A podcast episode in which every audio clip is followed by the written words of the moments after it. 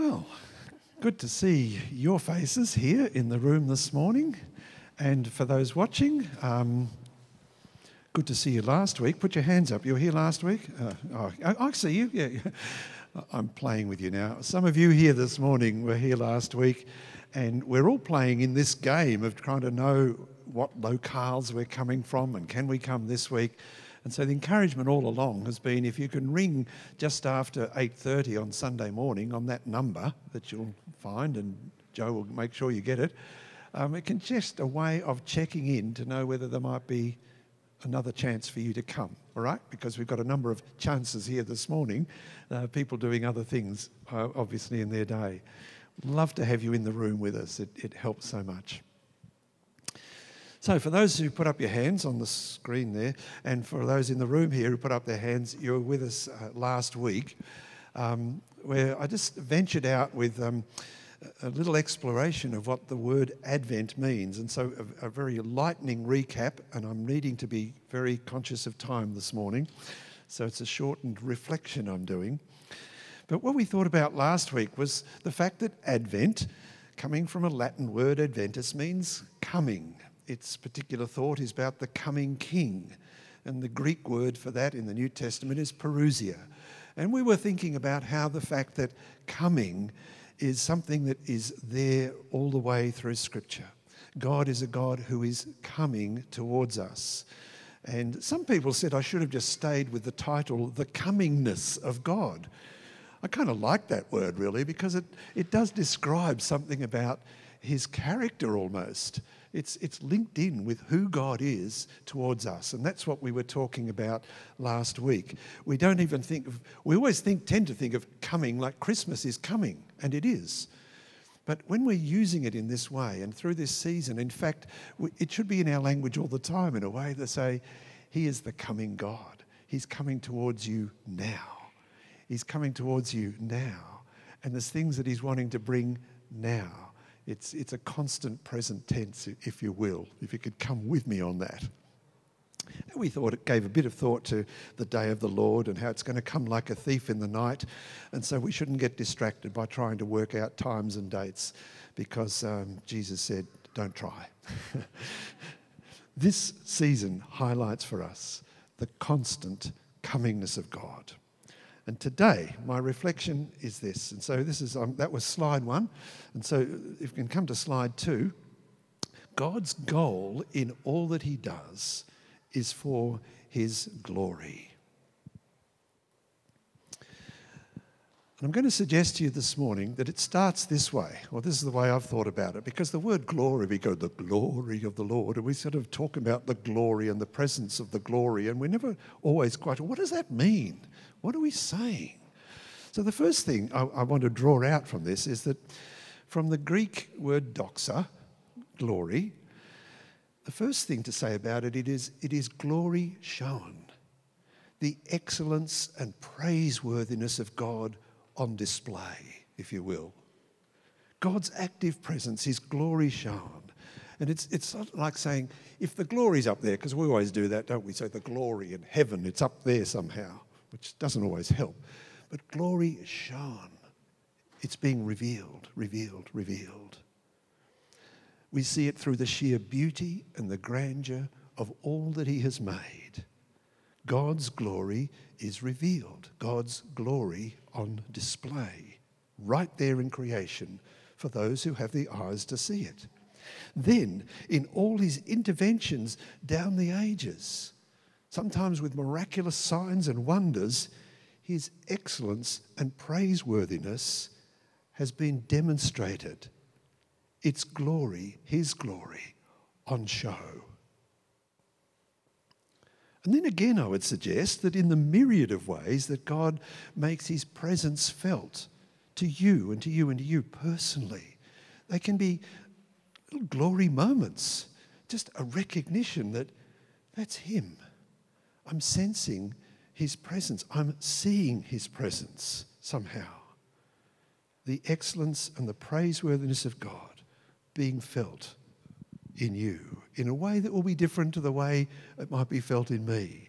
But there's sometimes where I can say, oh, yeah, the glory was in the room this morning. Do you ever get that? You know, sometimes there's a sense of just tangible presence. And it's not to say that he wasn't there when I didn't feel it. It's just that seems to be a bit of a common mind that, whoa, you seem to be there in a particular way this morning. And I can't nail that down and I shouldn't even try. But it's just what God does, and He's free to do what He likes. The Spirit blows where it wills. And so, boom, we're able to say, wow, did you feel or sense the glory of God among His people this morning? What we are leading up to, of course, in just a couple of weeks' time now Jesus coming as a baby. God in this mystery that we'll never fully get our heads around, taking human flesh pitching his tent among us. I love that translation somewhere. God coming and pitching his tent among us was a major, an absolutely stunning instance of the unveiling of the glory. Heavens opened, glory bursting out. Yeah? That's what was happening. And in Luke 2, we read of shepherds on the outskirts of Jerusalem being visited by an angel, and the glory of the Lord shone around them. And they were afraid. And I don't wonder. the glory just shining like that. Whoa, what was going on um, for them? Now, note this Greek word doxa, glory, I want to suggest to you now, has a flip side. God's excellence and praiseworthiness is on display with purpose it results in glory given. You see, the excellence and praiseworthiness of God does that stuff in, in, in us that, that, that stirs us to a response. It elicits that, it, it draws a response from us to give adoration and to praise. And so, hands often are a way of expressing that as they extend upwards glory comes down, we go boom, and then we go, whoa. You don't have to raise your hands in this assembly, it's not obligatory, but I know certainly it helps me often to just raise my hands to say, God, I give you the glory. I reach up in that way. And so those same shepherds, stunned by the radiant light of God's glory when the glory shone around, were treated to a host of angels saying, Glory to God in the highest, and on earth, peace to people. Later, returning to the fields from their visit to the manger, the shepherds were glorifying and praising God as they went. Can you picture it? These, these bumpkins from up the out, out, of the, out on the fields, you know, and they're just going along. Whoa, what have we just seen? glorifying and praising God, and they probably only half understood it as they went. We know it's wrong. It's wrong for people to seek glory for themselves. The fundamental reason for that is it doesn't belong to us. It just doesn't belong to us we sit here this morning, I'm sure, as a people who want to say it all belongs to Him.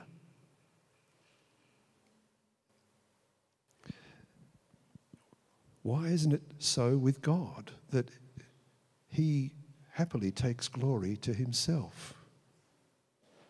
Because as the 24 elders gathered around the throne are continually singing, You are worthy, our Lord and God to receive glory and honor and power.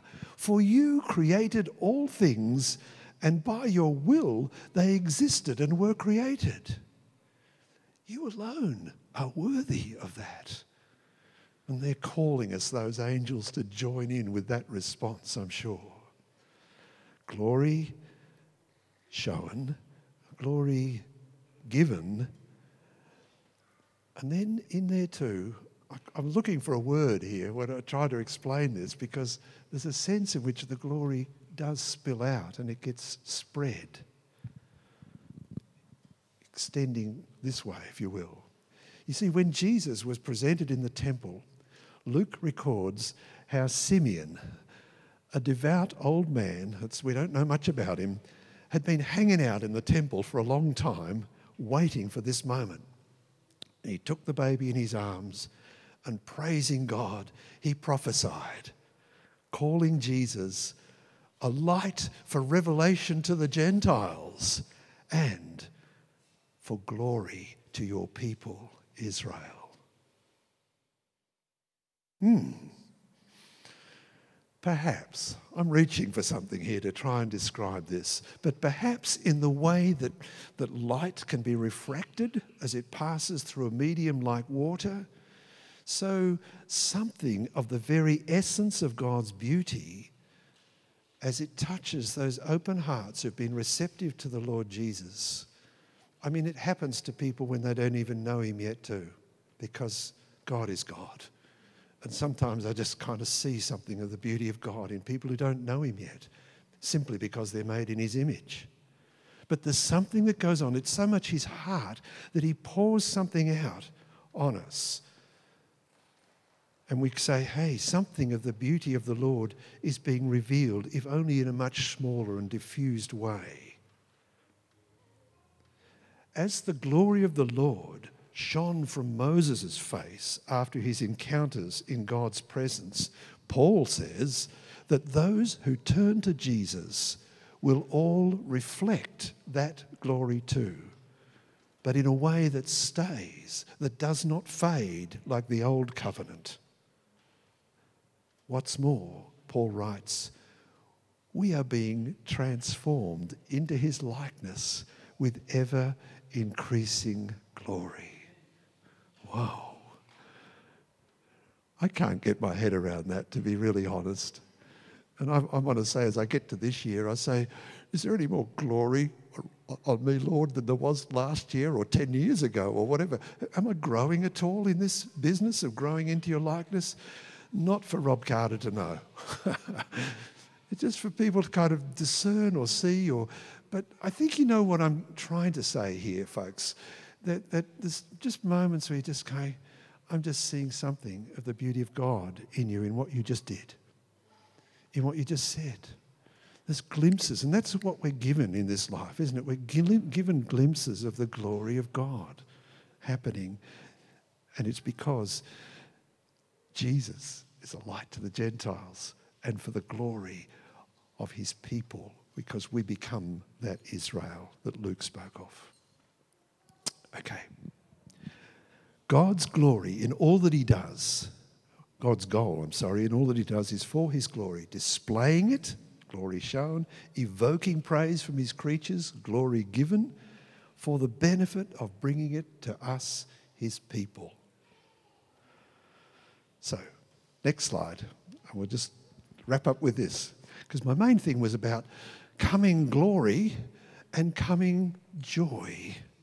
Glorifying God is both our divine calling and our highest joy. The fact that God created us for his own glory, I think, determines the correct answer to the question what's the purpose of life? Our purpose is to glorify him. Speaking with respect to God himself, that's a good summary of our purpose heaps of injunctions in Scripture that encourage us towards this. Just in Colossians 3 whatever you do, whether in word or deed, do it all in the name of the Lord Jesus, giving thanks to God the Father through him. And if you didn't get it, he says a bit later in the same chapter, whatever you do, work at it with all your heart as working for the Lord. It is the Lord Christ you are serving.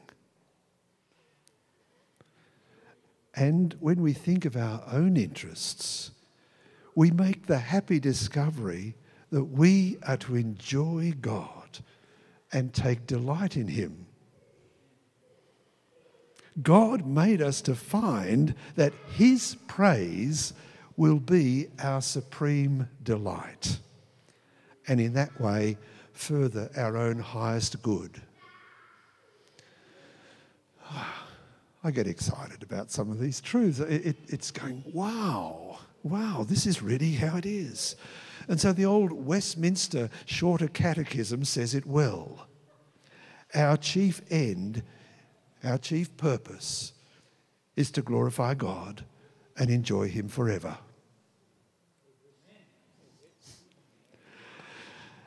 You know, I love this, this quote. It's a quote from uh, James Denney, end of the 19th century. He said, The New Testament is the most buoyant, exhilarating, and joyful book in the world. A whole variety of words for joy, 326 of them I discovered, and the most common one is chara, that appears 146 times. Every New Testament writer has something to say about joy. Its message is good news of great joy for all people. Luke chapter 2. Luke's gospel is, par excellence, the gospel of joy. Paul's letter to the Philippians from prison, remember, is the letter of joy. And then Peter's first letter teaches us about joy in suffering. I'll leave that one for now. In John's gospel and letters, fullness of joy is stressed, and joy is a fruit of the Holy Spirit, Paul reminds us in Galatians. Joy finds expression in a new attitude to life because of what has been given to us through Jesus his life, his death, his resurrection, and his ascension to reign as king forevermore. And yet, as I said last week, he's not sitting up there, he's coming. he's coming, he's coming, he's coming to you right now, right where we are. Yeah? That's the nature of our God. And this season gets, gives us a chance to celebrate the comingness of God. Would you all stand with me, please? I'm going to have a crack at this, and, and you can just join in, all right? We're going to sing, even with masks on. If you must, it's all right. Joy to the world, the Lord is come. Let earth receive her King. Let every heart prepare him room, and heaven and nature sing, and heaven and nature sing, and heaven and heaven and nature sing. Yay! You, troops.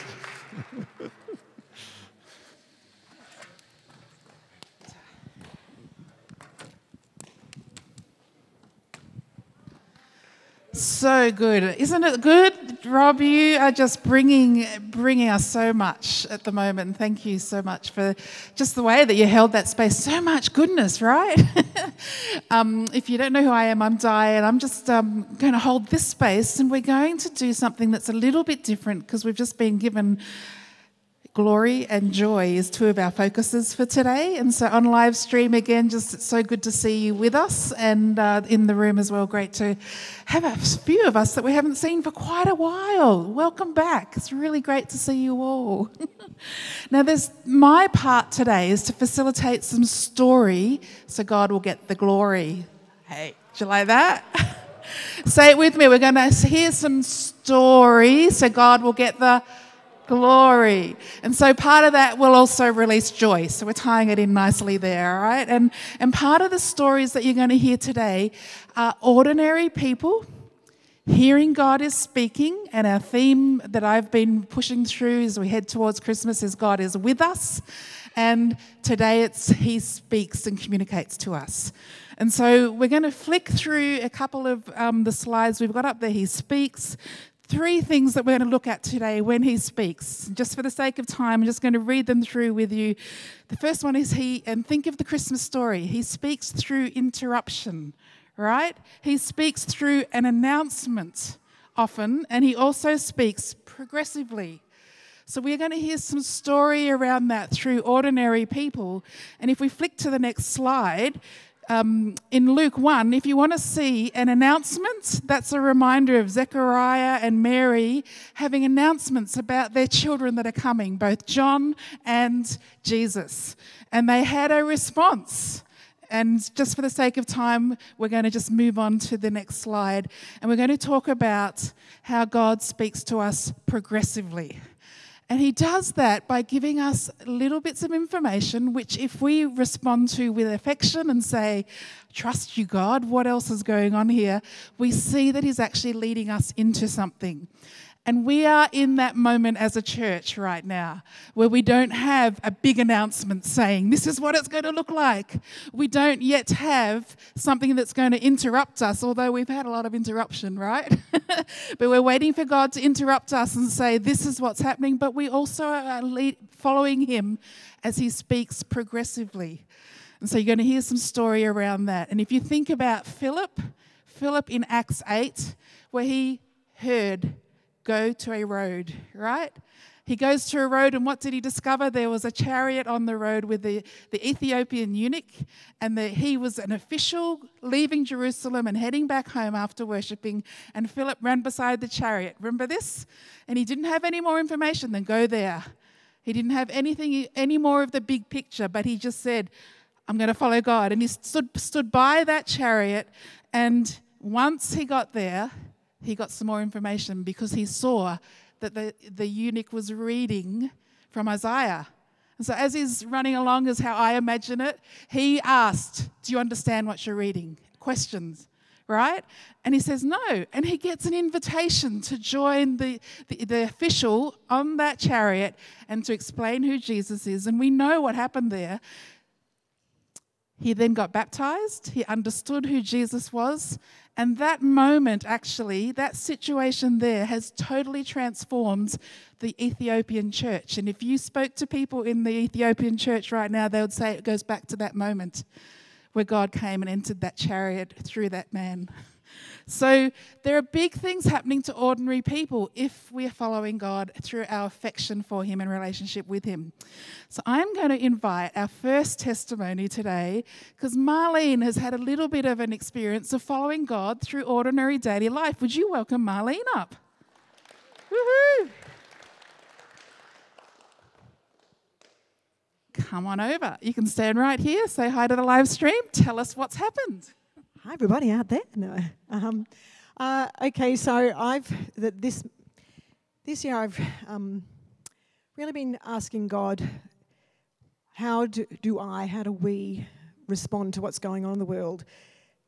Is huge. It's huge. And God, what do you want us to do? We know that there's tribulation in the world, but you've come that you know that be of good cheer. But anyway, just really seeking God what do you want me to do? What are we meant to do? How are we meant to respond? Um, and uh, gradually I felt the Lord speaking to me. But I've also really, in the last couple of months, have gone through some real suffering, some really, a really, really difficult time. And so, but I have found that in the midst of that, God has spoken to me. And uh, a few weeks ago, um, Di spoke on uh, the Holy Spirit. And, you know, I am desperately praying, calling out to God for help, and uh, really seeking the Holy Spirit. And what she was saying really resonated with me that idea of the Holy Spirit being an advocate and coming alongside us. And also in the Bible, it talks about the Holy Spirit being a comforter at the end of that service, we just had some ministry time, and I was just having just just a really lovely time in the presence of God, just really physically experiencing the Holy Spirit. And it went on for quite a while, and I was just in really right in the midst of that, just in real peace. You know what that's like.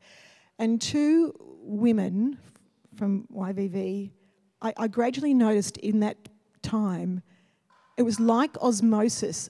I was just very, like, my spirit is with God.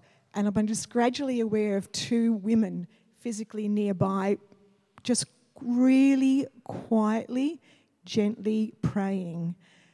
And it was absolutely beautiful. And I felt like they were representatives. And I hope this doesn't sound weird, but I felt like they were representatives of the Holy Spirit. They had come alongside me they didn't lay a hand on me, they didn't invade. It was so gentle, such a blessing. And, it was just like my spirit just gradually, gradually tuned in. Oh, this, there's two women there praying for me.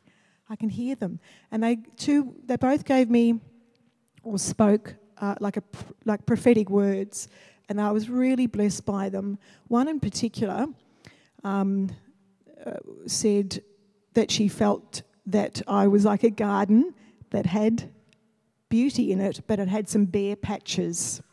And that Jesus, she could see Jesus planting in those bare patches. She did not know that that week I had stood in my front yard and looked at a particular flower bed. And I've been, I've been in this house for four years and I've basically started the garden, and I'm not a great gardener, but you know. And I had stood at this flower bed, this you know garden bed, and thought, that looks great. That looks really colourful, really happy with that. There are bare patches there.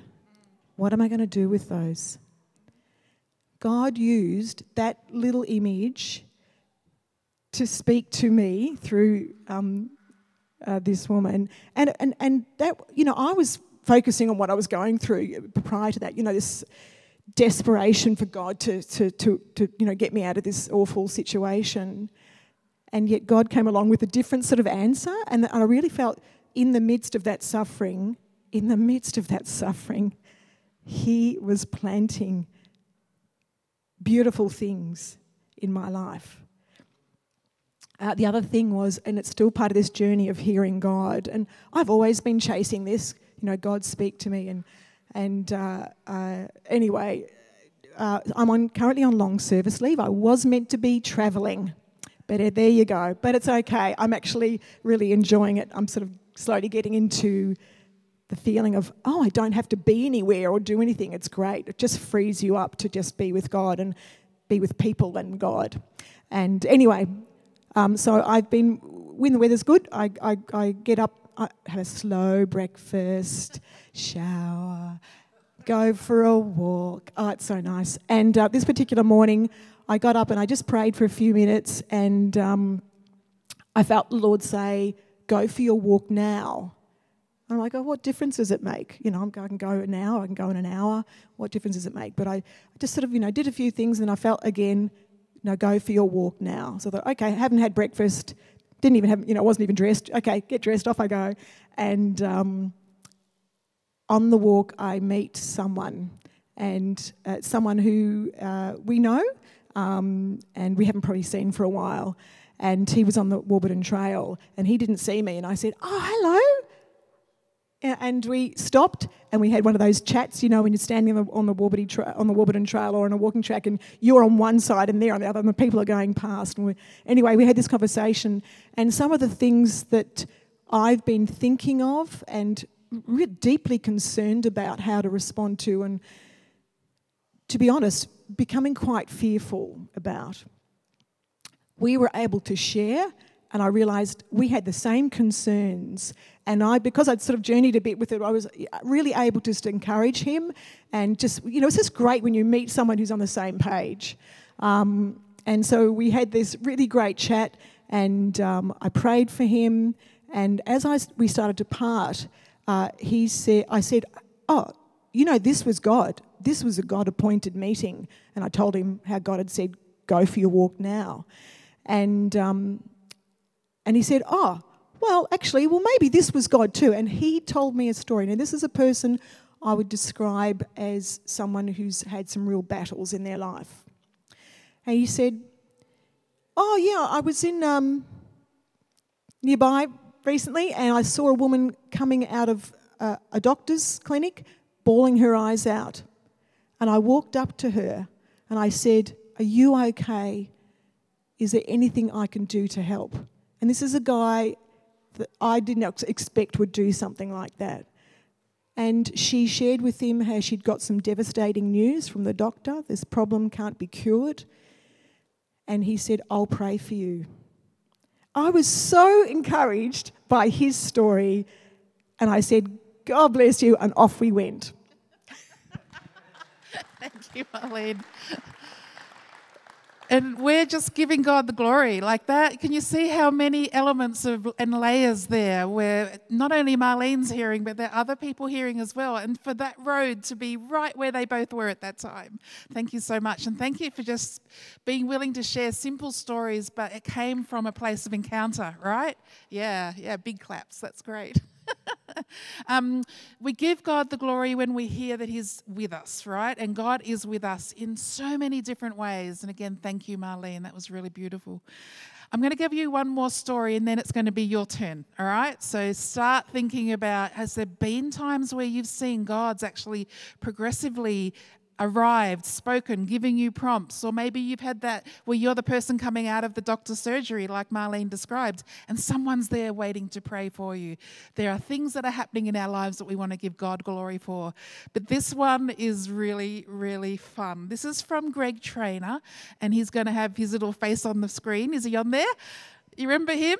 His beard's a little bit longer now because two years ago he was down here preaching here and helping us with the School of Kingdom Ministry. And Greg's in Sydney. He's a vineyard pastor, but he's also the boss of a school. He's a principal. Okay, so he does does that for his job. And he, I'm going to read a testimony that he wrote, and it's on his blog right now. I didn't know that, but I rang him and said, "Can I tell that story?" And he, he said, "Yes, go for it." And I think that. Um, you'll notice that he's actually telling the story and he's crafted it in a way that tells the process that he was in as well. So he'll talk like a teacher and like a pastor as I read the story, because that's Greg, and we love him for that, because he's reminding us as we hear from God, things there are things that we make choices about. Are you ready? Ready for Greg's testimony? Okay. So, this is a few years back, he writes, and Greg says, when we were allowed to cross state borders and when we were allowed to fly in aeroplanes. So, he's telling a story. In October, he wrote this, but it's about a few years back. And he says, he, I was returning from Brisbane and it was after a weekend of training leaders. While I was waiting at the departure gate, don't things happen at departure gates, right? While I was waiting at the departure gate, I noticed a young couple also waiting. Sometimes the Holy Spirit directs your gaze and highlights a person when he's wanting to do something. In this case, I couldn't be sure because the young woman was extremely attractive. This is Greg. Things became clearer though when I got to my seat on the plane, and guess who came and sat beside me? I started praying and playing, paying closer attention. As I chatted to this young couple, I discovered that they were Christians. They were recently married and they were heading home to Sydney after scouting for somewhere to live in Queensland. A word began forming, he says, but it wasn't a comfortable word and it wasn't one that you'd want to give to complete strangers. I felt that the Lord was telling me that there were some fertility issues and that this young woman couldn't get pregnant and was, there was healing to come. And then he writes, awkward. Put yourself in that place. What would you do? That's what he's hearing, okay? And then he writes, this is Greg writing, we, of course, we're properly trained not to give any directional prophecies, and we're properly trained not to prophesy about babies, especially to couples that are childless. I asked some delicate questions, Greg said, about pregnancy, and the young woman began to cry. And I told them what I thought Jesus was saying. And I asked if, if they would let me pray for healing. Quite overwhelmed, they agreed. I asked the husband to place his hand on his wife's tummy, and then I prayed for healing and blessing, and the Holy Spirit came gently I broke the curse of the doctor's diagnosis and I prayed some other things that the Lord had given me at the time. And a picture was also forming for the husband about Jacob, about the river of Jabbok, and about leaving his father's household, wrestling with his father's God, and taking his father's faith and the promises of God as his own, stepping into his destiny. That was one of those words where you start with a little bit and then you open your mouth and you start to prophesy, and the words tumble out. Has anyone ever experienced that? And afterwards, you wonder where did those words come from?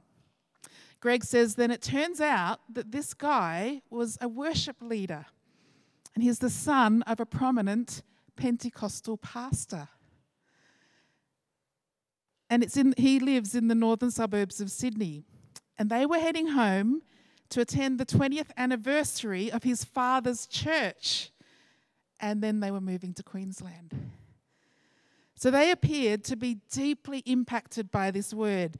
And he said that I left the girl with my copy of a book from, by Robby Dawkins, which is called Do What Jesus Did. And he said, I was planning to read that on the plane. And later that week, is Greg again, while I'm on playground duty at the school, I received a phone call. And the phone call was from the prominent Sydney pastor, thanking me for being brave, for blessing his family, and that they had all wept together. Greg says that was five or six years ago. I never found out what happened. Ever been in that place where you've just sown seed and you never know what happens? He says, until yesterday, and this was in October, all right? And so until yesterday, I found out that the young man had tracked me down on LinkedIn. And Greg says, I know, who would imagine that I'm on LinkedIn? LinkedIn is a, a website where you can professionals connect. And anyway, this guy tracked down Greg, and Greg says, he, the, he, I asked if, are you the guy that gave me a word on a flight back from, from Brisbane? This is what the young guy wrote. Basically, everything you said has come true, including a healthy, happy newborn son, and no names included. they deleted that. Yoo-hoo! We did, just did a testimonial at our church. This is the young guy speaking. And we were up on the Gold Coast last Sunday at the new church, and we mentioned your word and how God has come through against what the doctors were saying that we couldn't fall pregnant. And we can't thank you enough, hear the joy, we can't thank you enough for having the courage to follow through, delivering His message and changing our lives. It gave us faith when the odds were against us. What a gift to get that back, right? And guess what? They included a photo of their son with his name, name deleted, as Greg said. Greg writes, How good is that? We have been in lockdown. So, this is October 2021. They were in lockdown in Sydney as well. We've been in lockdown for three months. We can't even talk to strangers right now, let alone pray for them. And Greg writes, Yet still, God is in the business of doing really cool stuff. And when we tune in to what He is doing, good things happen. And sometimes He encourages us years later when we get to hear how a simple act of obedience, a bit of risk, and a lot of God's generous grace actually changes lives. Greg writes that Jesus said, I only do what the Father is doing. This is their story, he says. That's why I didn't mention any names. And then he says, But it's my story too. Now, remember the book that he had on the plane? Here's what he says about it as he finishes It's like the Holy Spirit gave me a nudge and said, Greg, you can read about it or you can do it with me together. You choose. It's about to, I'm about to do something really special, God says. Do you want to play? Greg says, I got to be part of a miracle. Remember, he says, whose people we are, and let's not grow weary in doing good, for the in due season we will reap a harvest if we do not give up. How good is that? How good is that? Yeah, let's give God glory. So, we are going to now take a moment to give God glory with our stories. Remember, God glory with our story. and we're going to do that just by thinking of some times when, when's a time when you've actually had an interruption, or you've had an announcement, or you've had someone come to you on a road or somewhere and in, and brought a message from God. Or maybe you've been the person that's done that for someone. Are you thinking of some examples of that for yourself?